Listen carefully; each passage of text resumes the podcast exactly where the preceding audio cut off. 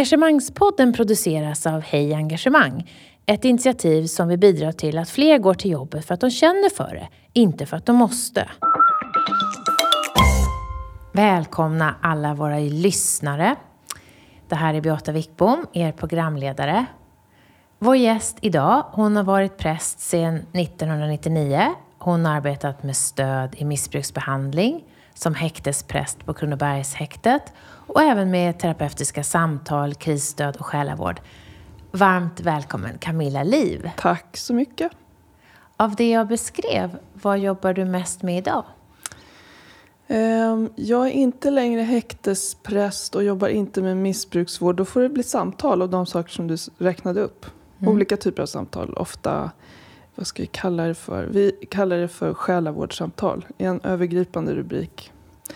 Men sen jobbar jag ännu mer med eh, att jag är tillförordnad chef just nu. Så att det är väldigt mycket möten och väldigt mycket planering och väldigt mycket eh, strategiska saker och mycket gudstjänster.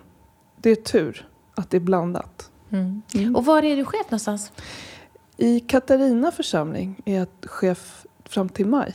Mm. mm. En församling i Stockholm? Japp, mm. uppe på Söders höjder. Vad känner du särskilt engagemang för idag, 9 december 2019? Oh, just idag känner jag särskilt engagemang för några av mina konfidenter som har mycket svåra och slutgiltiga sjukdomstillstånd. Mm. Konfidenter, det är de du möter i dina själavårdssamtal? Ja, ja, mm. precis. Mm. mm. Finns de hela tiden i så säga, ditt sinne? Nej, jag har ju ett privatliv faktiskt med hund och barn och make och ICA-kassar och tvättider och sådär. Så att det finns andra saker också. Mm. Mm. Ganska kul att du säger det så tidigt i intervjun för att det är verkligen någonting jag har funderat på om prästrollen går före allt, om det är din huvudidentitet eller om du också bara identifierar dig som Camilla Liv, morsa ibland? Min huvudidentitet är som Camilla Liv, morsa ibland. Eh, ganska bekväm, lite lat. Eh, jätteintresserad av eh, kreativa saker som att måla och odla och sådär. Så att det är min första identitet, absolut. Um, och sen så är det faktiskt så att präster som är kvinnor är den grupp som allra, allra oftast blir utbrända. Så att det finns goda skäl att lägga vikten vid hur, att man är människa först och präst sen. Det mänskliga kommer före det kristna. Ja, absolut. Mm. Vi kan ju ta det direkt. Hur eh, ser du till att eh, hålla din, din inre glöd vid liv och inte bränna ut den? Eh, jag ser den till... och din kropp förstås. Ja, just det. Mm. Nej, men jag är ganska bra på att vara ledig måste jag säga.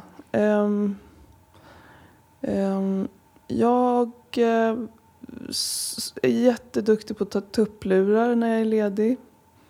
Jag är en ganska introvert person så att jag bokar inte upp mig på 14 fikor och tre teaterbesök utan jag drar mig tillbaka liksom. Um, och sen har jag en hund som måste gå ut. Och jag har en familj, systrar som jag vill... Ja, det finns hur mycket som helst som kan hålla mig ifrån att helt uppgå i arbetet. Mm. För vad skulle det vara i prästyrket, att, eller vad skulle det vara för dig i ditt prästyrke att helt uppgå i ditt arbete? Det finns ju en, ett ideal inom prästyrket att man ska vara det fanns till exempel var det vanligare förr att man bodde på prästgård och att lampan alltid var tänd och dörren var alltid öppen. Att vem som helst kunde komma när som helst. Att man en sorts ständig jour? Ja, att man, att man fanns för sin församling hela tiden. Um, och det finns, eh, kan jag tycka, en, en särskilt komplicerad inställning till just kvin, präster som är kvinnor. Det är svårare att säga nej till akuta... Eh, ja, att människor ringer akut och vill ha samtal direkt. Eller att... Eh, ta hand om människor när som helst, var som helst. Om en kvinna säger nej till det så möter man större irritation och besvikelse, är min upplevelse. Jag har inga statistiska belägg för det, men jag har sett hur det ser ut ganska länge. Medan en, en präst som är man har liksom en annan förväntan på sig. Att ha ett ja, men att privatliv lättare, eller en ja, integritet som ser annorlunda ut? Ja, eller? kanske en integritet. Att man förväntar sig det av en manlig präst men inte lika mycket av en kvinna som är präst. Och att, vi, att det finns en förväntan att man ska vara mer, vara mer omvårdande och, och mm, värna lite mindre om sina egna, sin egen tid och sina egna gränser på något sätt. Har du levt i den föreställningen? Absolut. Jag eh, höll ju på att gå i bitar första åren som präst för att min egen förväntan såg ut så. Att jag inte hade lärt mig sätta gränser för vad som är rimligt. Rimligt är ett väldigt bra ord när man är präst. Vad är rimligt? Är ett rimligt privatliv? Är en rimlig kontakt? Hur mycket tid är det rimligt att lägga ner på en predikan? Att det måste få vara rimligt. Att bitarna måste få plats liksom. Jag tycker det är jättebra råd i alla yrkesgrupper. Ja, det är det kanske. Vi förbereder oss, vi levererar, vi väntar på feedback, vi mm. ska lära oss mer. Mm. Det, finns ju en, det finns ju något som heter på engelska good enough. Exakt. Du måste ju också få ur dig något för att det ska kunna landa hos någon annan och du ska kunna få någon respons. Mm. Ja. Du, hur ser dina inre drivkrafter ut? Vad du, går du igång på? Jag har funderat mycket på de här orden eh, senaste dygnet eftersom jag visste att jag skulle komma hit. Jag har funderat på vad, vad betyder engagemang? På vilken nivå ligger det? Och samma sak med drivkrafter.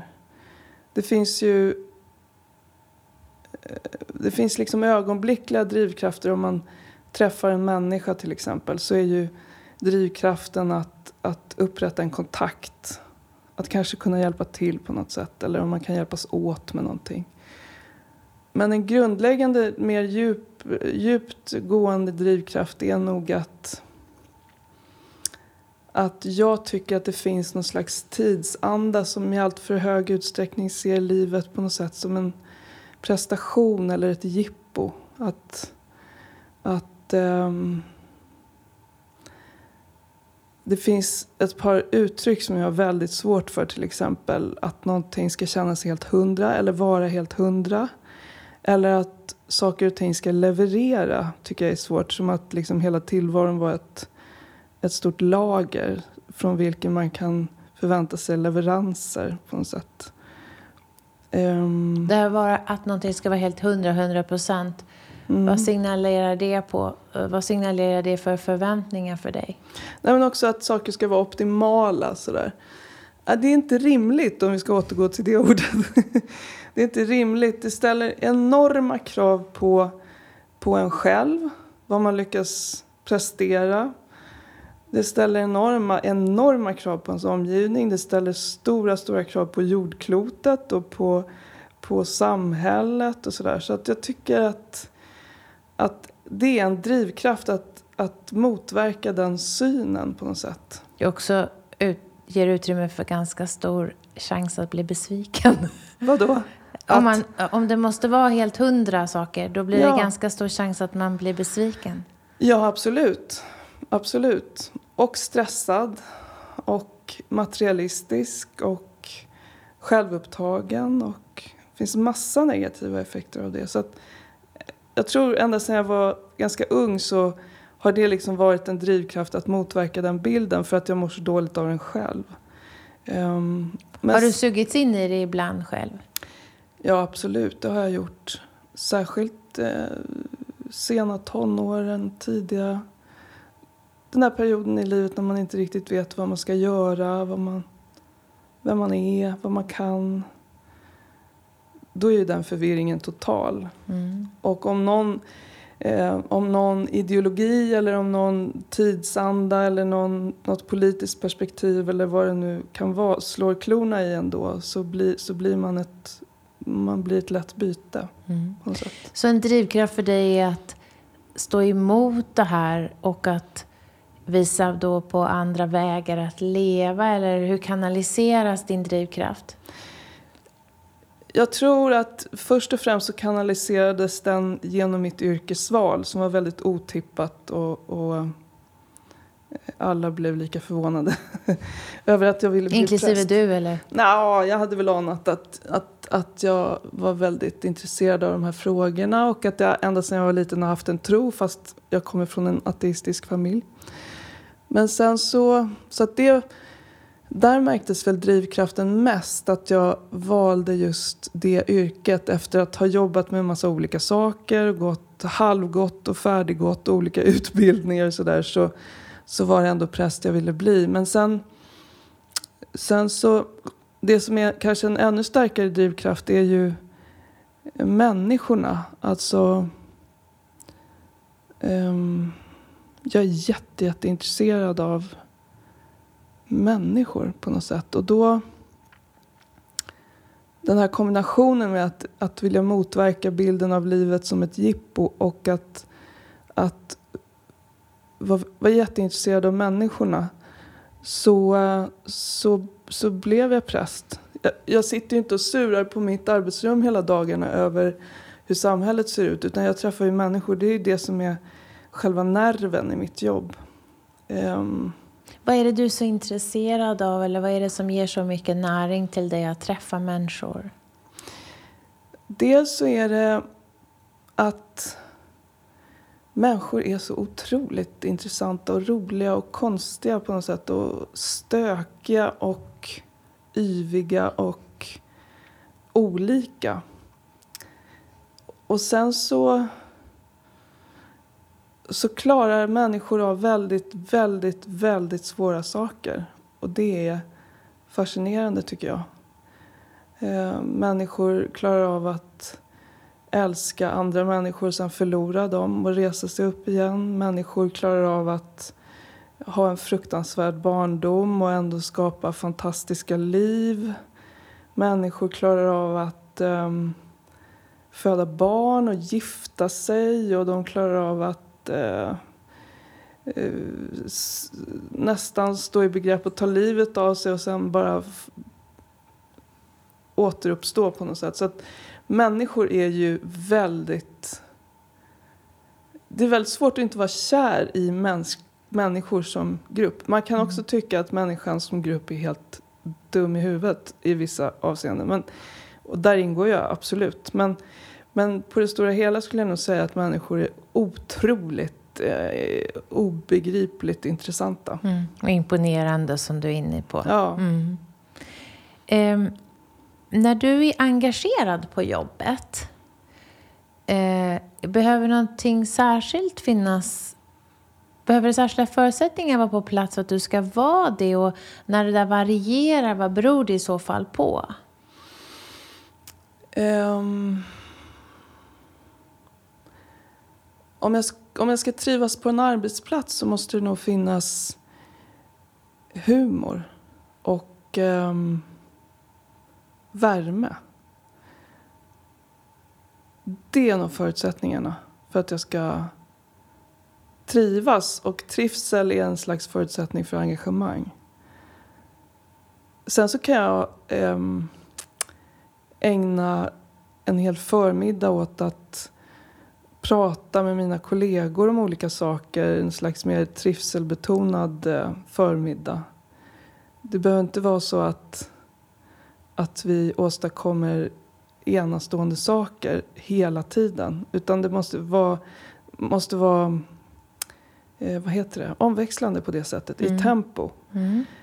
Men för, förra helgen till exempel, då eh, lyckades mitt arbetslag med bedriften att ta emot ungefär 6 000 människor på två dagar i Katarina kyrka. Och att att rodda med allt detta. Det är liksom körer och musiker Den första och adventshelgen? Ja. ja. 6 000 pers. Det är otroligt mycket. Ja. ja. Och en sån helg så, då är det ju bara jätte, jätteroligt. Helt otroligt stressigt och jobbigt och roligt. Och, och sen kommer det efter helgerna, kanske fram i januari, så kommer liksom en period när vi kan pusta ut lite och dricka lite mer kaffe tillsammans. Men Men just nu så är det ju väldigt mycket att göra naturligtvis. Så att det går verkligen i cykler. Du sa att det behöver inte alltid hända så mycket. Ibland kan man bara prata.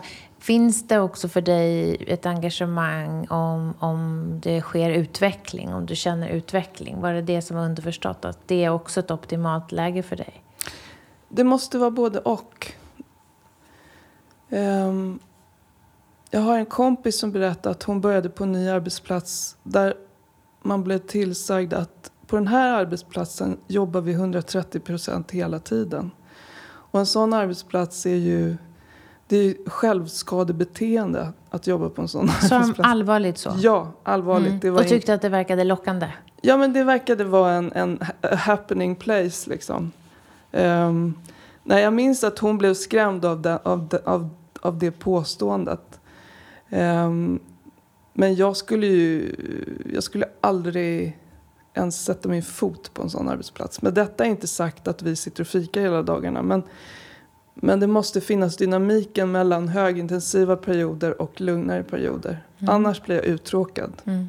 Och ni får ju verkligen hela spannet, alltså från fika och inte prata jätteallvarligt till att det handlar om liv och död. Ni har ju ett sånt brett spann i ert ja, jobb. Ja, det är världens bästa jobb. Mm. Så sa du att det finns humor. Ja. Och jag kan förstå, du sa att det är viktigt att det finns värme, omväxling och humor. Mm. Omväxling förstår jag och värme förstår jag också. Det är ju liksom ert uppdrag på något sätt att vara inkluderande för alla och skapa gemenskap. Mm. Men humor kan jag inte se riktigt att, det, att jag associerar det med yrket präst. Humor, alltså med, med tanke på allt det allvar vi har i vårt jobb, precis som du säger. Det är begravningar, det är besök på hospice, det är ja, massa allvarliga saker. Så finns det också bland präster och bland personal i kyrkan en mycket utpräglad humor på de flesta arbetsplatser där jag har varit. Och fanns det inte det skulle man inte klara det.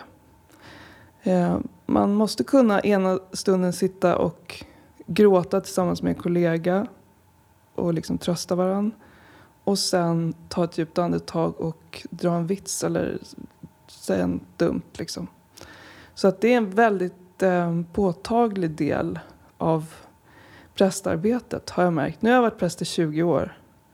Det är väldigt mycket humor bland präster. Men också tror jag för att man, när man jobbar med människor som är i sådana dramatiska, både positivt och negativt dramatiska situationer i livet så blir man varse på något sätt att man måste ta sig själv på inte alls jättestort allvar. Mm.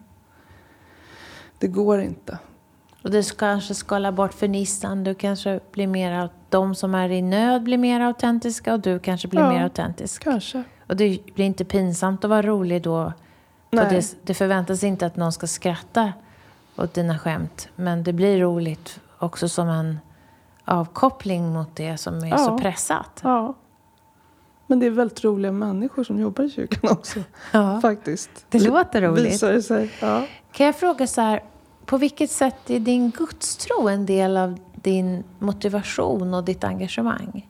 Jag tror utan min gudstro, alltså det är en förutsättning för att bli präst till att börja med, att man har en gudstro.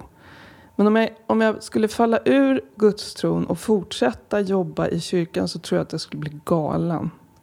För att själva USPn, om man säger så, eller själva eh, produkten skulle ju bli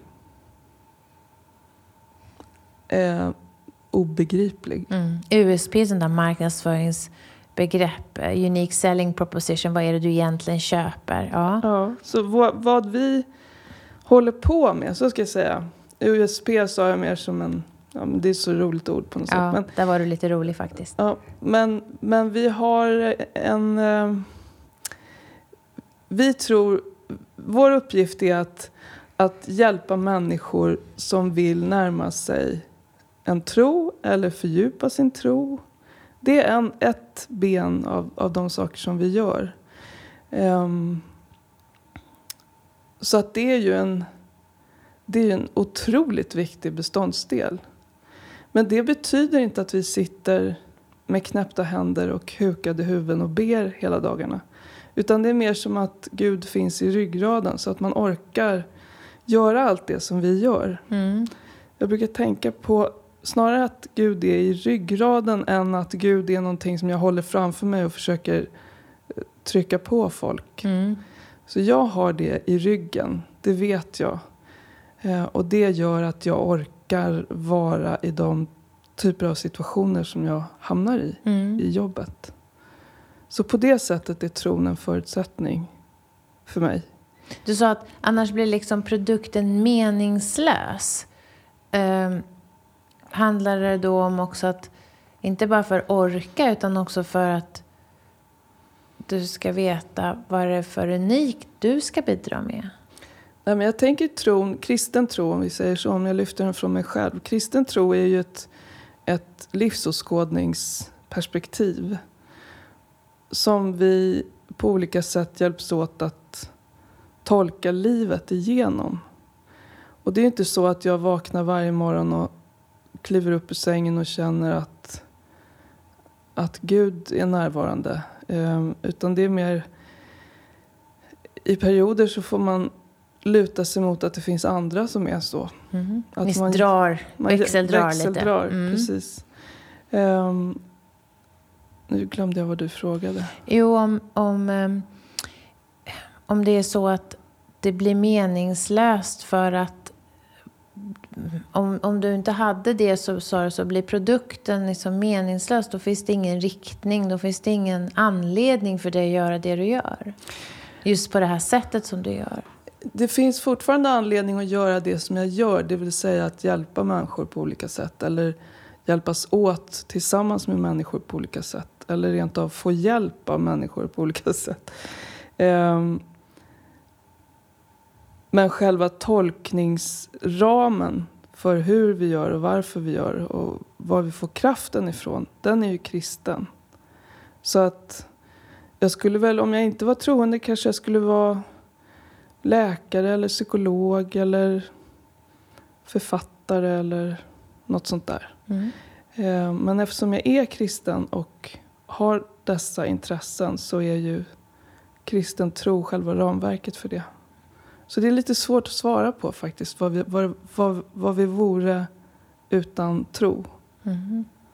Ehm, Så om du ställer frågan, för nu sa du så här, mhm, då tänkte du kanske att jag hade missförstått din fråga? Nej. Nej. Jag tänker mer att jag reflekterar att du är ju på det optimala stället då också där du får göra det du brinner för, Mm. möta människor och så har du det här extra, den extra kraften av att du både har din gudstro i ryggraden Mm. och du kan också vilja förmedla den. Mm.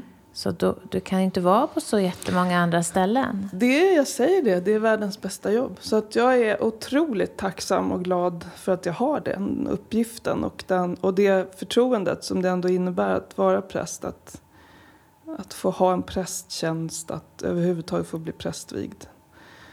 Eh, Jag tror att om jag inte kunde vara präst av någon anledning, om jag... ehm, Jag vet inte vad det skulle vara.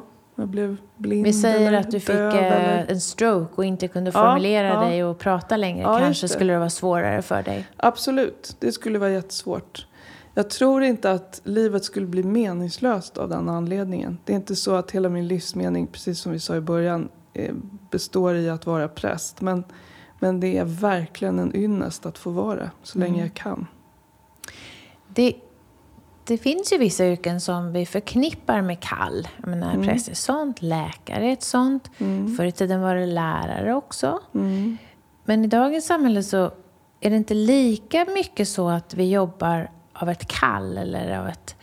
Där vi känner, jag älskar det här jobbet. Jag, jag, jag, jag vet precis att jag är på rätt ställe. Jag hör inte lika många människor i alla fall i min närhet som säger på det sättet. Utan många kanske grubblar, är jag på rätt ställe? Finns det något bättre? De ska också levla, eller vad var det du använde? Optimera. Optimera. Mm. Ja. Nu har ju gått den här dyra utbildningen och sådär. Att ehm, det finns någonting också som du uttrycker som handlar om tacksamhet. Att ha hamnat på rätt ställe. Mm. hittat din grej och hamnat på rätt ställe. Mm. Och så får du göra det du är bra på med, tillsammans med andra. Mm. Det är grunddefinitionen av engagemang enligt forskning. Mhm. Okej, ja. Mm. Du ska göra det du är bra på som du gillar tillsammans med andra. Mm. Mm. Så du är nog ett av våra bästa exempel hittills. Fast jag vill hävda att alla har möjlighet att hitta en kallelse, även om man inte tror på Gud. Jag tror verkligen det. Ehm, jag tror att eh, vi får olika talanger, olika begåvningar, olika brister, olika eh, temperament. Och att det finns en plats, inte en plats, det är inte så ödesbestämt, men att det finns definitivt en uppgift för alla sorter, så att säga. Och huruvida människor har en kallelse eller inte nu för tiden, det kanske är en semantisk fråga. Det kanske handlar om språk. Ehm, ja, det är ju intressant att tänka att engagemang kunde vara ett alternativt ord för det. Men, Mm. men kallelse, det är precis som du säger, då tänker man ju främst på präster och, och kanske läkare och sjuksköterskor definitivt Ja. som får så lite betalt. Mhm. Ehm, ibland sådana som jobbar med barn på olika sätt. Men jag tror, eh, jag tror att det finns en kallelse för precis varenda människa. Egentligen. Om, man, om man har möjlighet att ta reda på vad man är bra på, vad man tycker är roligt. Vad som kan vara till nytta för ens medmänniskor. Det är väl kanske det som är skillnaden då. Kallelse, alltså- alltså att, att det ska vara till nytta för andra människor snarare än bara roligt för en själv. Mm. Är det skillnad mellan kallelse och engagemang? Kan, vara, kan man vara Ja. engagerad i något som inte är till nytta för andra? Alltså det kan man ju vara. Man kan ju vara Ja, det Men kan man det väl kan- vara. men man kan inte ha en kallelse tänker jag, som inte är till nytta för andra. Nej. Och i, i kallelse ligger väl också stor frivillig an, ansträngning på ett lite strävsamt sätt som kanske också, som du var inne på, dygnet runt, jour till låg lön, att det finns någonting sånt. För engagemang är ju också frivillig ansträngning. Mm. Mm. Jag tror, när du säger så, så tänker jag att på det sättet har kallelse använts som ett medel för att hålla folks löner nere. Till exempel för sjuksköterskor. Att då går det bra att prata om kallelse. Mm. För att man ska inte behöva betala så mycket för människors arbetskraft. Liksom. Mm. Men det ser jag nästan som ett eh, folkhälsoproblem. Att inte fler har hittat en plats där de älskar att verka och där de känner att de får verka fullt ut. Att så, vi vet ju tyvärr, det brukar vi prata om i podden, att Gallup har gjort en undersökning som visar att bara 14 procent av svenskarna säger att de har förutsättningar att känna engagemang på jobbet någon gång per dag. Vad tror du det beror på? Ja, Jag tror att det beror på att du inte ser helheten. Eh, Du känner ingen, eh, ingen eh, autonomi. Du, du är ett fast kanske i ett eh, hierarkiskt system. Du blir inte tillfrågad hur tycker du att vi ska lösa det här. Du utför uppgifter som du tycker är idiotiska. Och sen så finns det ingen möjlighet till lärande och utveckling. Och vi vet att människan behöver vara i utveckling och behöver motstånd. Och då, är det, har, vi, då, då har du fastnat någonstans på något, så, kanske till och med på ett jobb som en maskin kan göra. Mm. Och så säger du till dig själv, ja, men jag måste ha det här jobbet för att nu måste vi ha den här, vi måste ju bo här för mitt barn går ju på det här gymnasiet och Mm. min partner jobbar, ja och så masochistiskt är vi kvar. Och jag har full, full respekt för att det finns omständigheter som gör att inte alla har lika lätt att ställa sig den här frågan. Mm. Vad, om jag bara hade en vecka kvar att leva, vad skulle jag vilja göra då på, om jag hade ett jobbliv? Men det är Precis. ändå det som kommer ge dig ett långsiktigt gott liv där du också har möjlighet att göra gott för andra. För bittra, utbrända och oengagerade är vi ju inte till så stor nytta för någon annan. Jag tänker också att liksom meningsperspektivet är, är avgörande. att man ser att det är någon mening. Det gränsar ju till det här med att göra nytta för andra. Mm. Att det är meningsfullt. Som tur är har vi ju en generation X och de som kallas för Z också.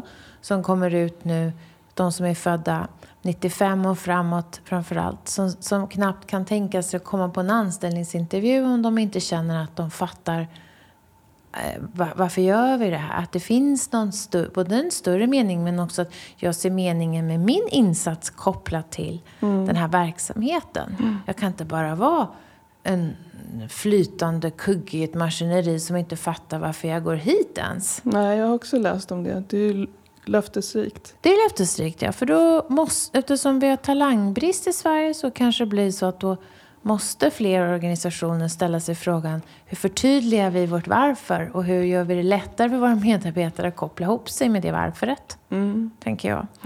Hur låter diskussionen i resten av organisationen? Hur pratar ni om engagemang bland medarbetarna i Svenska kyrkan? Ehm, jag tror som sagt att just ordet engagemang ehm, kanske vi inte använder så mycket.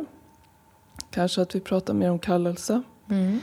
Ehm, vi har en väldigt stor uppgift i att engagera frivilliga i våra olika verksamheter.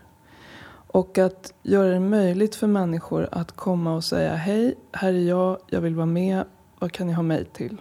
Mm. I en kör eller som... I en kör eller i en samtalsgrupp eller att hålla kyrkan öppen eller att ehm, eh, hjälpa till med kyrklunchen på söndagen eller det kan vara, det kan vara nästan vad som helst.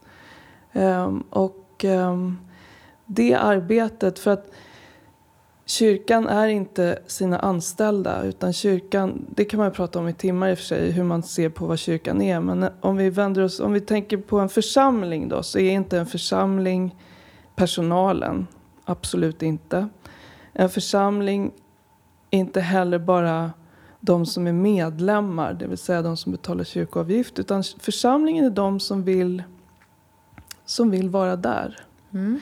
Och, eh, och som vill hjälpa till eller som vill vara med eller som vill ha gemenskap. Så att väldigt mycket av kyrkans eh, arbete handlar om att, att stötta och göra plats för de som vill komma in. Och vad mer är då en tjänande verksamhet än en levererande verksamhet? Ja, i det avseendet. Mm. Skapa de förutsättningarna, Mm. slipa på de trösklarna så att det är Mm. lätt att komma in. Mm. Att, att, för att vi äger inte kyrkan, vi är eh, servicepersonalen kan man säga. Det är vi som eh, möjliggör för människor att hitta in i kyrkan och göra den till sin. Mm. Så att där finns det ju otroligt mycket engagemang för kyrkan att ta vara på. Att, att, eh, att ge näring till att vårda. Liksom. Mm. Och då, som du säger, slipa gränsen mellan den som är innanför och utanför den rena Mm. anställningsgränsen då. Ja, eller Mm. kyrkans tröskel som ju är jättehög för jättemånga människor i Sverige. Vi är världens mest sekulariserade land. Ehm, och här i Mälardalen är världens mest sekulariserade område. Wow. Så att det finns ju, eh, det finns ju eh, många skäl att, att göra övergången från utanför till in i gemenskapen eh, lättare. Ja. Men du pratar om kallelsen och sen att öka och, och kanalisera de frivilligas engagemang. Mm. Men pratar ni om arbetsglädje? Absolut gör vi det.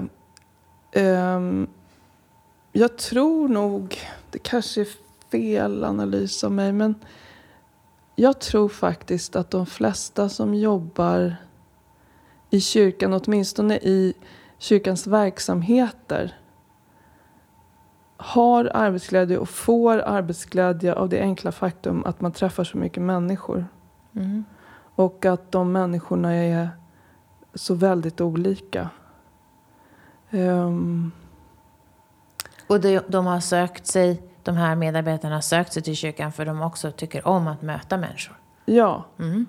Allt ifrån vaktmästare till diakoner och musiker och präster. Och Mm. Allihop vi ha, ha, har ju människor omkring oss hela tiden. Om vi tittar på ledarskapet. Mm. Är du som präst eh, naturlig ledare eller har du, har du en speciell chefsroll? Jag har en chefsroll Mm. och jag går en chefsutbildning. Mm. Så att som kyrkoherde är man då chef för ett arbetslag. Eh, och eh, andlig ledare ska man också vara i en församling. Och parallellt med det så finns ett kyrkoråd som är som en slags styrelse. Som är då förtroendevalda, det vill säga när man går och väljer i kyrkovalet så är det de posterna som tillsätts. Så att det finns en dubbel ansvarslinje, kallas det. Och, eh, så jag är chef för verksamhetspersonalen. I Katarina. Ja. Mm. Och hur ser, hur, hur ser ledarskapet ut i kyrkan om du skulle beskriva? Eller vi börjar så här, hur ser ditt ledarskap ut? Hur är du som ledare? Ehm, Jag tror att jag är... Vilken fråga. Hur är jag som ledare? Jag har nog lite svårt än så länge att, att inte lägga tassarna i den operativa, operativa syltburken. Så att det blir ganska mycket. Jag har lite svårt att urskilja vad som är operativt och vad som är strategiskt och vad som är taktiskt och sådär. Men jag försöker eh, ta tid för de som vill prata. Jag vill att dörren ska vara öppen, som det brukar heta. Alltså rent fysiskt ska vara öppen. Um, jag tänker... Jag har på något sätt gått med ändan först in i, i ledarskapsrollen för att jag har aldrig tänkt att gud vad jag vill bli chef. Så du gick motvilligt med ändan först? Eller? Ja, lite sådär. Mhm. Jag är lite skeptisk till om jag klarar det på ett bra sätt. Om det kommer att leda till att jag inte har tid för mitt barn till exempel. Om det kommer att leda till att jag får sämre nattsömn. Det är ju sunt, tänka så. Ja, kan man göra. Mm. Kanske roligare att ha en chef som bara kastar sig över uppgiften. Men, men jag tycker så här långt, och det har bara varit en mycket kort tid, att ehm, det är spännande. Och svårt, jättesvårt. Mm. Ehm, I en annan intervju än den här så har du sagt så här. Jag är en svårskrämd person som tryggt kan leda min motpart genom svåra situationer. Mm. Och då undrar jag så här. Vad finns det i ditt jobb som du skulle kunna vara rädd för? Ehm, vad skulle jag kunna vara rädd för? Utbrändhet är en sån sak som man ska vara rädd för. Ehm, jag kan vara rädd för eh, hotfulla situationer med eh, människor som mår psykiskt dåligt. Jag kan vara rädd för jag kan vara rädd för att inte klara av det ansvar som det innebär att vara chef. Att göra människor besvikna eller göra människor illa med mitt sätt att vara chef på. Så att säga. Mhm. Ehm, Men du är ändå svårskrämd. jag är svårskrämd. Det är inte, om- jag vet vad den där intervjun handlade om. Det handlade om själavård på Kronobergshäktet.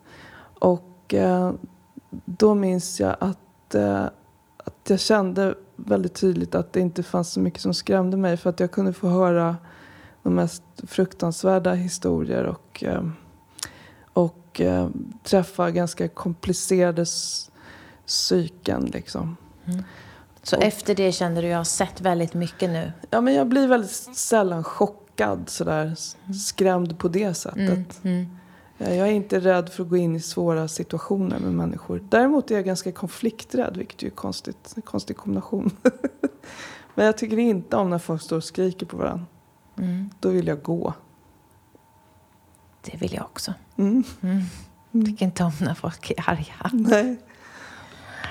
Du, hur, vi, det är kanske inte många av oss som lyssnar som i sitt professionella jobb har mött någon som är i absoluta förtvivlan.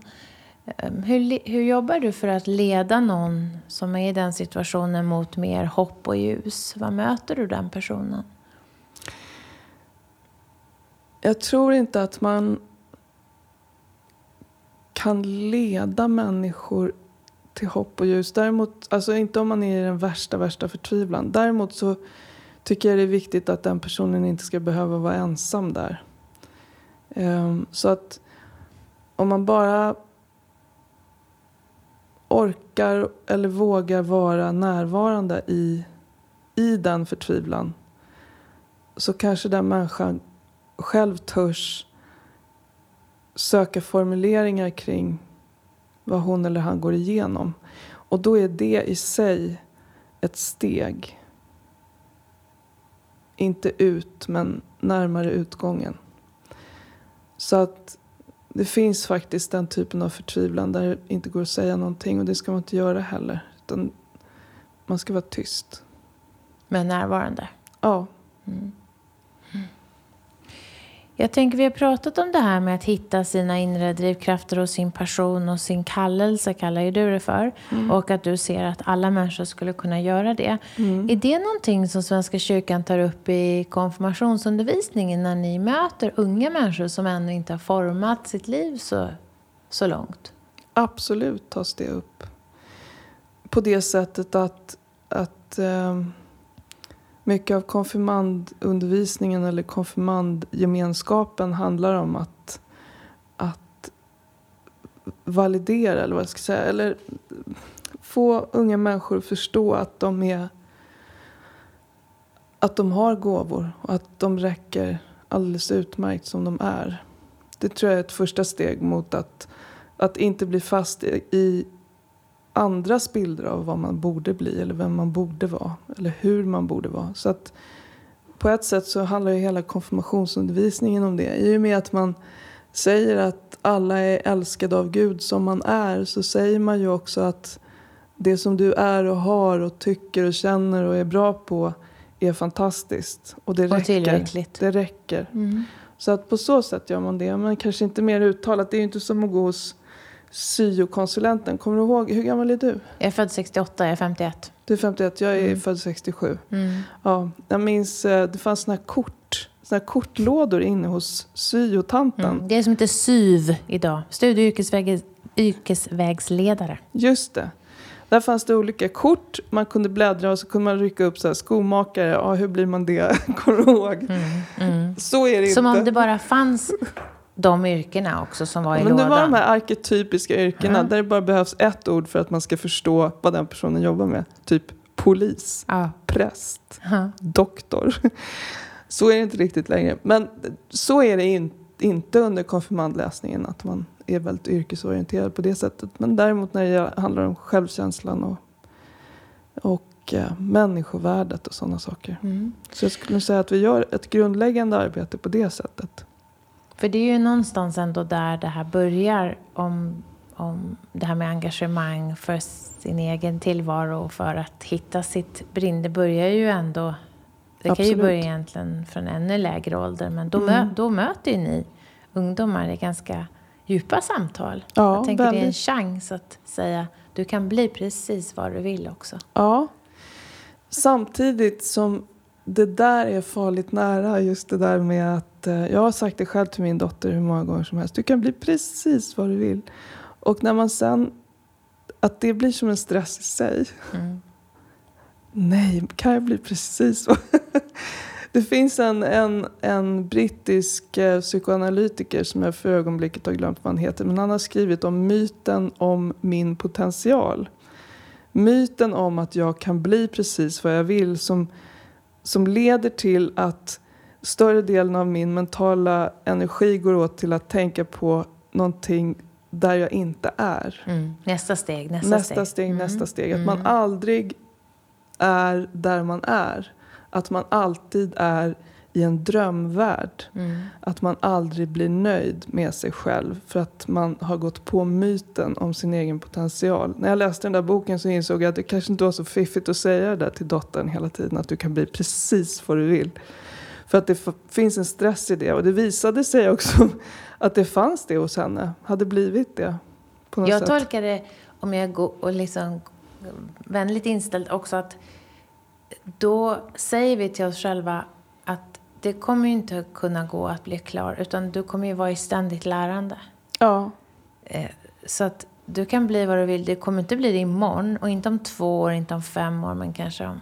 Du kommer börja närma dig det från och med nu när du tänker på det för då är du ju på väg mot det. Det är hoppfullt. Men det finns saker som jag inte kan bli Mm. när jag är 52. Mm. Massor av Mm. saker. Men det finns förmågor du kan utveckla Ja, och det, det finns, finns det. områden du kan fördjupa dig inom. Det kanske inte finns formell, formella yrken du kan ta längre. Du får inte bli, Balett, primadonna du får inte exempel. bli helikopterförare tyvärr. Det ville jag bli i sådana här svåra situationer Ja, i Alperna. Då får Ja, man inte vara 51. Nej, jag förstår. Ska vi avsluta med en fråga som handlar om att vi lever i en digital tid. Vi, vi läser om att nästan allt som människor kan, kan artificiell intelligens och robotar göra bättre. Kanske inte idag, men om några år. Vad är människans värde i en digital tid? Jag tänker att när man pratar om den mänskliga faktorn att det nästan alltid har med katastrofer och misstag att göra. Men kanske blir det så att den mänskliga faktorn i framtiden är det enda som är värt något. Att, eh, att robotar eller artificiell intelligens, de, det är liksom, vad ska man säga, det är inte ens varelser, men det är eh, det är handlande ting eller mekanismer som aldrig får en lock som faller ner för ögonen eller en majonnäsfläck på kavajslaget som aldrig snubblar, som aldrig skrattar, som aldrig gör något irrationellt. Ehm, Så jag tror att människans irrationalitet och kreativitet och klumpighet och och alla sådana där riktigt mänskliga egenskaper kanske blir oerhört dyrbara och står väldigt högt i kurs. Det är min förhoppning. Mm. Hur ska vi höja engagemanget för det mänskliga? För du värnar ju det här. Ehm, ja, genom att tänka mycket mindre på oss själva. Ibland tänker jag sådär att själv, vad heter det, självförverkligande är ett väldigt intressant ord som jag tycker mycket om naturligtvis. Men, men jag kan tänka att, att vår uppgift är inte att förverkliga oss själva utan att förverkliga andra i lika stor utsträckning. Och att det finns forskning på det också, att det är det som gör oss riktigt lyckliga.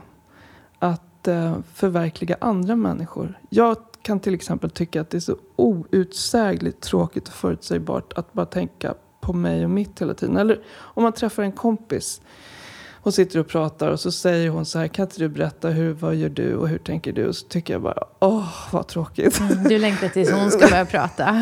ja, ja, men jag umgås med mig själv hela tiden. Ehm, jag tycker det är roligare och, och jag- jag mår bättre och jag tror att, eller forskningen säger att de flesta mår bättre av att engagera sig i andra än att tänka för mycket på sig själva.